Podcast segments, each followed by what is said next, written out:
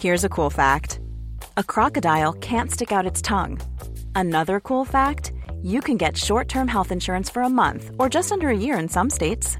United Healthcare short term insurance plans are designed for people who are between jobs, coming off their parents' plan, or turning a side hustle into a full time gig. Underwritten by Golden Rule Insurance Company, they offer flexible, budget friendly coverage with access to a nationwide network of doctors and hospitals. Get more cool facts about United Healthcare short term plans at uh1.com. It's that time of the year. Your vacation is coming up. You can already hear the beach waves, feel the warm breeze, relax, and think about work. You really, really want it all to work out while you're away. Monday.com gives you and the team that peace of mind. When all work is on one platform and everyone's in sync, things just flow wherever you are. Tap the banner to go to Monday.com.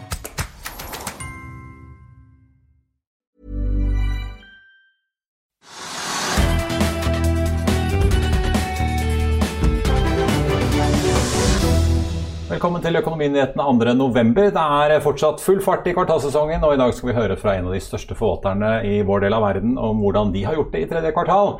Men før det må vi ta med at hovedindeksen er ned 0,4 eh, i dag, med en oljepris som uh, i eh, spotmarkedet på Brent er ned 0,2% til 84 dollar og 30 cent. Både Equinor, Nell, Hydro, Kahoot og Movi ligger oppe med høy omsetning og trekker samtidig også hovedindeksen ned, siden de kursene er i rødt i dag. På motsatt side finner vi selskaper som Yara og Norwegian, som begge er opp drøye 2 Rex Silicon er opp 3,3 og alle disse disse er blant børsens best omsatte og trekker litt i motsatt retning, men ikke nok der, altså.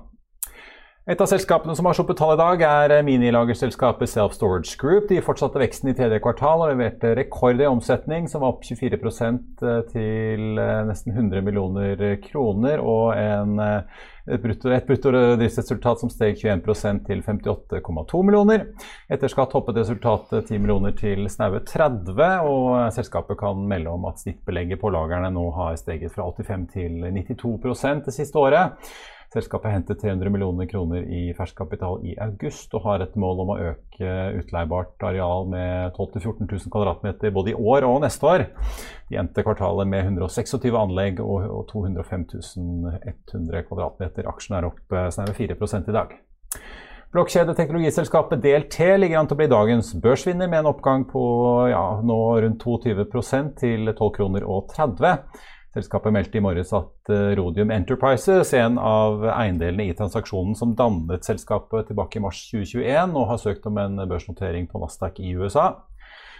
Ellers så har vi Hexagon Purus som slapp eh, sine Q3-tall. Inntektene fortsetter å vokse og doblet seg nesten det siste året til 103 millioner kroner mot eh, tredje kvartal i fjor.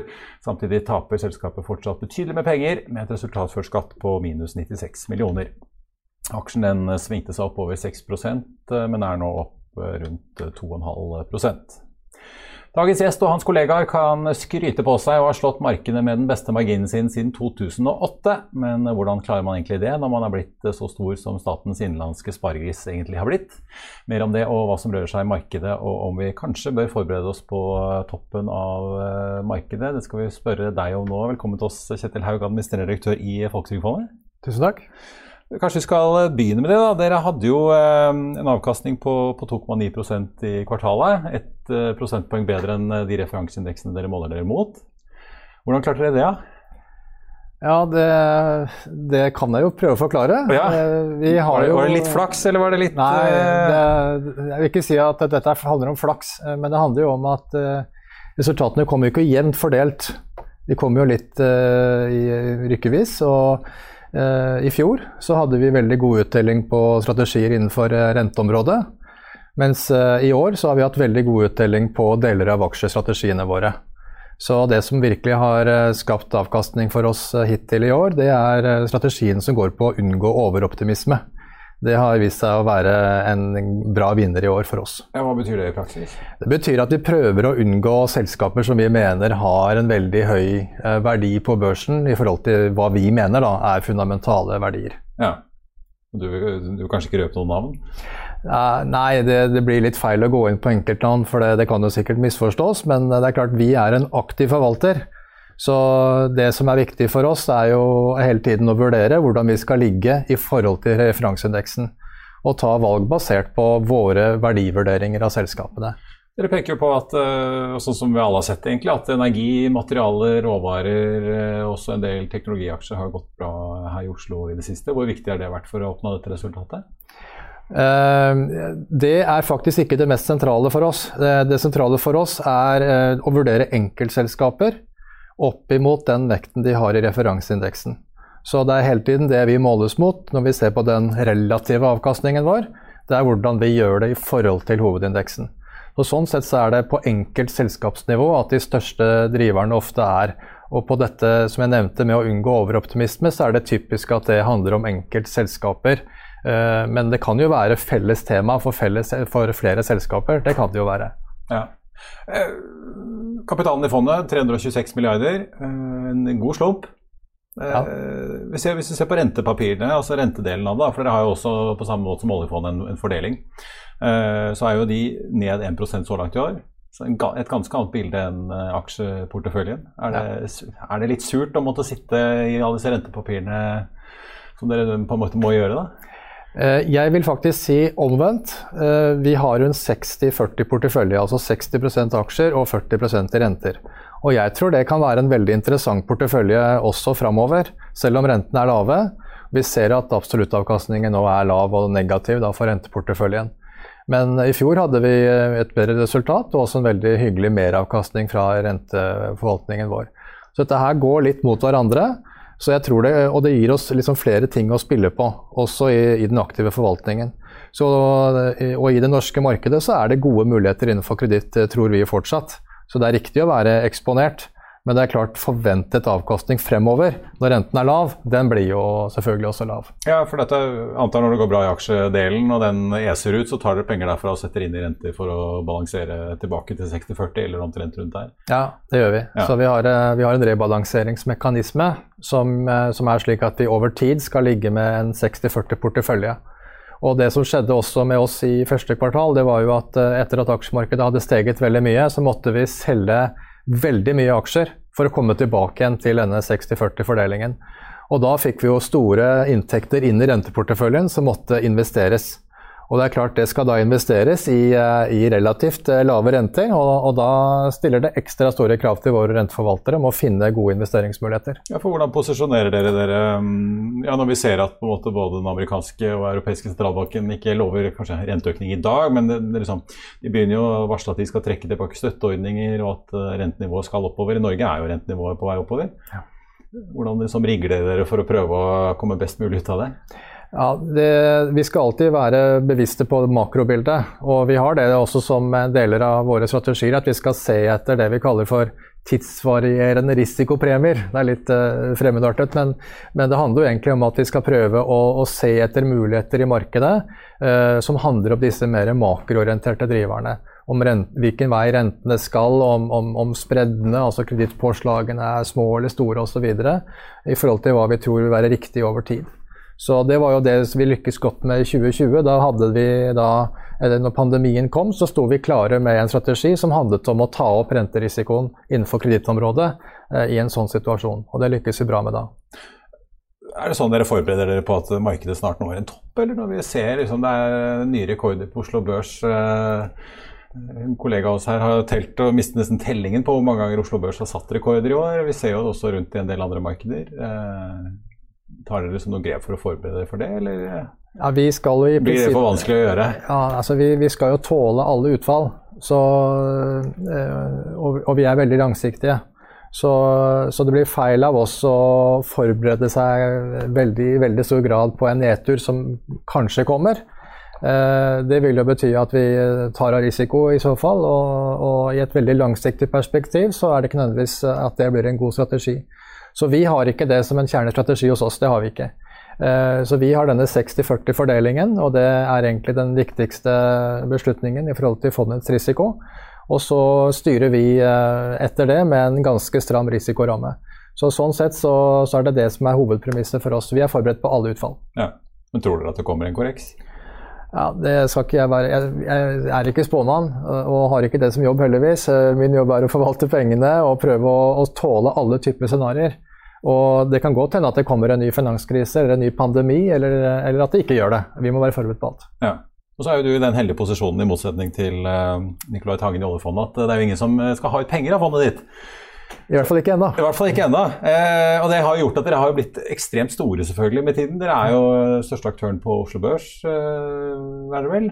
Med god margin? Ja, vi, vi, er vel ikke største aktøren, faktisk. Eh, det er en annen statlig aktør som er enda større enn oss. Næringsdepartementet tenker du på? Ja. ja.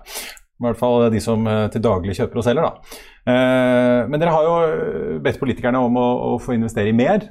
Og på investordagene her i Finansavisen eh, for ikke så lenge siden så snakket du om at det har jo egentlig gått bedre i noen av nabolandene våre enn det har gjort i det norske markedet. Så vi kunne jo egentlig ha tjent mer hvis vi hadde fått investere mer rundt i Norden tidligere. Men nå ser det ut til at du, du, kan eh, snart få lov til å sette mer penger utenfor Norges grenser. Men da, da er det snakk om fortsatt innen Norden. Ja, som du nevner så, så har regjeringen, eh, eller departementet i, i, nasjonalbudsjettet varslet eh, at de ønsker å se på muligheten for at vi får vektet oss opp i nordiske markeder. Ja. Det er riktig. Kan det komme neste år, da? eller? Eh, det gjenstår å se. Nå er jo først Stortinget som må si sitt. og De har den saken til eh, behandling, og jeg tror den eh, er nært forestående. Så vi, får, vi venter jo spent å se om de har kommentarer til den forrige regjeringens forslag, må vi si. Og så Hvis Stortinget da syns det er en god idé, så vil jo dette ende opp som et prosjekt hvor vi skal jobbe sammen med Finansdepartementet på å lage en god praktisk løsning for det. Som jeg nevnte, du, du, sa jo at avkastningen har vært god utenfor Norges grenser i Norden, eh, hvis man ser på det historisk. Eh, men hva er det dere ser etter da, hvis dere nå får muligheten, hvis vi legger det til grunn? Eh, er det en diversifisering å komme inn i andre typer bransjer enn det man kan finne på Oslo Børs, eller er det er, det er, flere ting her, men husk at utgangspunktet var når vi eh, ga dette rådet i sin tid, så var det med utgangspunkt i at vår eierandel på Oslo Børs eh, øker jevnt og trutt. Litt pga. det du nevnte i stad, om at, ikke tar, at det ikke går penger ut av fondet. Så alt reinvesteres. Og det, sammen med meravkastningen vi har levert, gjør at våre eierandeler øker litt og litt år for år. Og så vil det svinge litt. Eh, Bl.a. når vi rebalanserer, så går eierandelene ned. Eh, og når vi rebalanserer andre veien, så går de opp. ikke sant? Så det er, det er, flere elementer inn her. Men det var den viktigste årsaken til at vi ba om å få en, eh, en økt andel i Norden. Fordi at vi har en maks eierandelsbegrensning på 15% som også er mandatsfestet. Ja, og, du begynner å slite med å finne og, og liksom, selskaper å ja, sette pengene i, rett og slett? Rett og slett så begynte det å, å bli et, en teknisk utfordring for oss. Det var bakgrunnen. Så vi, ikke, vi begrunnet ikke dette forslaget egentlig med diversisering. Men når det er sagt, så vil jo jeg si at Norden er et veldig bra investeringsunivers. Og det er veldig mange kvalitetsselskaper i det nordiske universet. Og Sånn sett så syns jeg det er veldig greit å øke andelen i Norden. Jeg tror det blir en veldig god portefølje av det. Ja, men er det da type at du er interessert i svenske forbruksvareselskaper, danske bioteknologi, altså da må vi ta utgangspunkt i referanseindeksen igjen. Det vil bli vårt utgangspunkt for å investere. og Da er det jo de eh, selskapene som inngår der. og Det er, det markedsvektede indeksen i Norden som er vår referanseindeks der. Ja. I eh, rapporten deres kan vi jo lese at uh, altså det ble jo gjennomført emisjoner og børsnoteringer for uh, 10,4 milliarder kroner i kvartalet. Uh, dere er vel ikke med på alt, er dere det? Kan du si litt om hvilke kriterier, kriterier dere legger til grunn? Når, for dere får jo tilbudet som en stor institusjonell investor om å være med, antar jeg? Ja, det er veldig hyggelig at vi eh, er en attraktiv investor for selskapene. At de ønsker å ha oss med. Det er veldig viktig for oss. Og jeg håper jo at vi med vår investeringsvirksomhet bidrar til verdiskaping i, i næringslivet. Uh, og det tror jeg den responsen vi får fra selskapene tyder på at hvert fall noe av det vi gjør er riktig. Eh, så det er veldig hyggelig å kunne være også med eh, når selskapene trenger penger. Vi syns jo børsen eh, er et veldig godt sted å være for selskaper som trenger penger til vekst og, og investering. Og vi som investor må selvfølgelig være med og, og backe opp på gode prosjekter. Så sånn skal markedet fungere. Og, har dere liksom takket nei til noen fordi dere syns prisingen er vel luftig, eller er det andre ting som gjør at dere Nei, vi er selektive, det er vi. Ja. Og så Sånn sett så ønsker vi å støtte opp under næringslivet, men vi må jo kunne forsvare den prisen som vi blir tilbudt. Ja. Vi har jo diskutert her i studio uh, Autostore og prisingen der. Eh, så var det jo noen som så liksom på hvor mye dere hadde gått inn med, og leste liksom ut av det at ja, det er jo Vi sitter med mye mindre aksjer der, et, som er et enormt børsnotert selskap sammenlignet med andre aksjer som Austevoll og Seafood og, og Link Mobility. Ja hvis man går inn og ser hvor mye dere eier, kan man sånn sett lese ut av det hva dere egentlig mener om selskapet, eller kan det være andre faktorer som spiller inn uh, i et sånt eksempel? Nei, Vi liker jo ikke å kommentere enkeltinvesteringer, for det, det, det, det, blir veldig lett vanskelig. Og, og, det er veldig farlig å begynne å tolke den type agerende som vi har. For det, er alltid veldig mange hensyn når vi skal sette sammen vår portefølje. Eh, det er eh, mange momenter som skal på plass, mange risikobolker vi skal fylle. og Sånn sett så er det veldig vanskelig å tolke når du ser det fra utsiden, vil jeg påstå. Altså, du kan ikke liksom ta selskapet X og så si at eierandelen deres der er 4% mens den er 8% i et annet. Så kan du ikke på en måte nødvendigvis lese ut av det at dere liker ikke det selskapet. Eh, nei, det kan du strengt tatt ikke gjøre. Jeg tror det, det riktige er Vi legger jo fram eh, en litt mer utvidet rapport en, to ganger i året, hvor vi viser også hvilke selskaper vi er investert i, og litt mer grundig analyse av hva som ligger bak tallene våre. Og da, da, da, kan man se på det og så, og så gjøre seg sin opp, oppfatning om det. Eh, vi skal måles på våre resultater for porteføljen samlet sett. Det er det som er viktig for oss. Eh, vi har ikke noen eh, antipatier eller, eller eh, andre, andre, form for eh, følelser når vi, når vi investerer. Det må være avkastning som er det sentrale for oss. Dere har jo også bedt om å få økt, til, altså, økt, anledning til å gå inn i unoterte selskaper øh, og dette som kalles multilaterale handelsfasiliteter øh, på fint. Euronext Growth er jo et eksempel på det. Der har vi jo sett veldig mange volatile aksjer som svinger veldig mye. Mange har stilt spørsmål ved hvor mye som egentlig ligger bak det selskapene lover og selger seg inn på. En ting er at dere kan gå mer ut i Norden, men når dere går mer inn på selskaper som ikke er notert, eller som er på disse alternative handelsplassene, Øker det risikoen veldig i fondet? Uh, ja og nei. For det, det, vi ønsker er jo å få tilgang til et investeringsunivers som uh, på sikt skal bli en del av hovedindeksen. Vi ønsker jo å bidra til at selskaper er med på hele den utviklingen fra, fra oppstart, venture og helt opp for Euronex Scroll-selskaper og videre inn på på, på Access eller hovedlisten. Det er jo det vi ønsker å bidra til. Eh, så, sånn sett er det naturlig for oss å se etter de gode kandidatene i et tidlig fase og få en eksponering tidlig. Og så har vi en viss mulighet i dag til å gå inn i unoterte aksjer hvis eh, styret har uttrykt en klar intensjon om framtidig børsnotering. Da kan vi gå inn. Og det gjør vi jo eh, da på en selektiv basis fra tid til annen.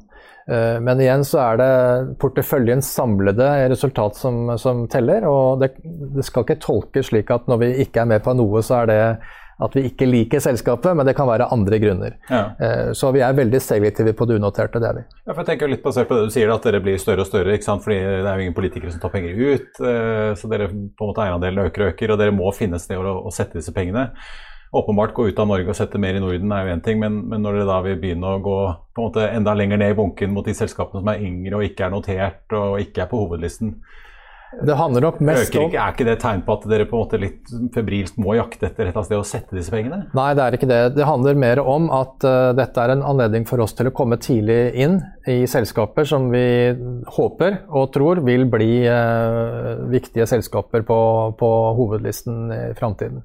Ja. Så det er den viktigste motivasjonen for oss. Til slutt, eh, Statens obligasjonsfond. Dere fikk jo ansvaret for 50 milliarder i, eh, i hva skal vi kalle det, krisepenger, som, eh, som, politikerne satte til side i fjor under pandemien for å spytte inn i obligasjonsmarkedet hvis det var nødvendig. Ute i regnskapet nå så er det altså 8,9 milliarder fordelt på 93 lån som dere har satt penger i. De andre, resten av pengene står hos Norges Bank. Det var ikke så veldig mye av dette her som ble brukt? Nei, pandemien var spesiell på den måten at uh, den kom fort og var over fort i, markeds, um, i markedet, da, vil jeg merke. Uh, vi, vi, fikk veldig, en veldig kraftig respons, både med sentralbankene som satte ned renten, myndighetene satte inn tiltak, bedriftene skalket lukene. Så det var en veldig massiv og kraftig respons. Så markedet kom jo egentlig ganske raskt tilbake etter å ha fått, blitt, fått et kraftig fall da, i mars 2020. Så, så, eh, det var egentlig ikke så stor, stort behov for Statens obligasjonsfond når vi kom litt lenger ut i pandemien. Ja, for hadde... Det var jo typisk de større bedriftene som går i obligasjonsmarkedet. Det var ikke SMB-er og de minste selskapene som på en måte kunne få tilgang til disse pengene. Nei, men nå var jo SOF satt opp slik at det skulle eh, være målrettet mot eh, high yield-segmentet, altså selskaper med litt lavere kredittklassifisering. Så det skulle jo være et bidrag til de typisk de mellomstore og mindre selskapene. De store selskapene var jo ikke hovedsiktemålet med Statens obligasjonsfond. Eh, og det hadde en, absolutt en veldig god effekt i starten. Eh, altså mars-april, når man varslet opprettelse av fondet og de første investeringene. Vi var jo veldig kjapt på banen med investeringer i fondet. Så tror jeg det hadde en veldig positiv effekt å bidra til stabilisering. At uh, alle, alle skjønte at her var det en stor aktør som kunne bidra til å stabilisere. Det tror jeg fungerte veldig positivt. Men så kom som sagt da markedet raskt tilbake, og flere så muligheten og, og ønsket å bidra med, med kapital. Så, så, dette segmentet ble, ble, mindre hardt rammet uh, enn det det kanskje ellers uh, kunne blitt. Men Er det i praksis under avvikling uh, da, er det, eller er det noen som melder interesse fortsatt? Nei, vi, vi, har jo sagt nå at vi ikke investerer på vegne av fondet nå. Så det er kun vedlikeholdsinvesteringer og, og tilpasninger i porteføljen som gjøres med SOF akkurat nå. Ja. Og så blir det si, gjort opp når eh, lånene forfaller? Så får vi se. Det tar jo en stund til før alle lånene forfaller, men eh, fortløpende vil jo det skje, ja. Kjetil Haug i Folketrygdfondet, takk skal du ha. Og så får vi si eh, lykke til. Det blir i hvert fall spennende å se hva som skjer i markedet fremover mot nyttår. Takk. I'm Sandra, and I'm just the professional your small business was looking for. But you didn't hire me because you didn't use LinkedIn jobs. LinkedIn has professionals you can't find anywhere else, including those who aren't actively looking for a new job but might be open to the perfect role, like me. In a given month, over 70% of LinkedIn users don't visit other leading job sites. So if you're not looking on LinkedIn, you'll miss out on great candidates like Sandra. Start hiring professionals like a professional. Post your free job on linkedin.com/people today. I'll see you in court. Vi sier det ofte litt på spøk, men for deg som driver business, er det aldri moro å innse at du ikke har laget en 100% gyldig kontrakt. Du bør ikke risikere hele firmaet ditt fordi du synes dette med kontrakter er litt stress. En avtale er ikke en avtale. Du kan miste kunder, miste venner, ja, til og med miste inntekter om du ikke lager en skikkelig kontrakt, på alt mulig, egentlig. Men vi vet det er et styr kopimaskiner, tregprinter og haugevis av papir. Dessuten stoler vi jo på folk her i landet. Det er ofte litt kleint å skulle be om en signatur for alt mulig, ja, for mye av styret handler også om jakten på underskriften. Det finnes en enkel måte å løse dette på, Dukkobit, en trygg, effektiv og get this, gratis måte å sikre seg en god natts søvn pluss en juridisk bindende avtale. Dukkobit-appen har de strengeste sikkerhetskrav i bunn, samt en EU-godkjent og sertifisert teknologi. Framover vil det bli behagelig å spørre du, skal vi skrive under på det, eller? Kom i gang på dukkobit.no. Nå skal vi eh, ta åpningen på Wall Street, som, eh, hvor altså Dow Jones er opp 0,2% Det samme er eh, ja, SMP 500 og Nasdaq Composite er opp 0,3 Ellers så ser vi at oljeprisen fortsatt er ned til drøye 84 dollar fatet. Hovedindeksen er nå på 1203 poeng, ned 0,6 og Det er eh, store aksjer som Equinor, eh, Nell, Hydro, Kahoot og Movi som fortsatt eh, bidrar til nedgangen. Mens det er oppgang i både Yara og Norwegian, men det er altså ikke nok til å holde hovedindeksen i pluss. Den store vinneren i dag, DLT, blokkjedeselskapet, er fortsatt opp solid, 24,2% akkurat nå. Ellers så får vi også minne dere på at Ocean Yield kommer med sine kvartalstall senere i kveld. Selskapet i Akersvern er jo solgt til eh, amerikanske oppkjøpsfondet KKR. Tallene kommer i kveld, mens prestasjonen altså er i morgen. I Finansavisen i morgen kan du lese Trygve Hegnars leder om kinesiske plastleker og Jonas Gahr Støre i Glasgow. Du kan lese om omsetningskollaps i Autostore-aksjen, den store børsnoteringen som var i høst, altså. Og du kan lese om to riksselskaper som mener markedet endelig er i bedring. Det var det vi hadde for i dag, men vi er tilbake i morgen klokken 15.30. Takk for at du så på, og så håper jeg vi ses igjen da.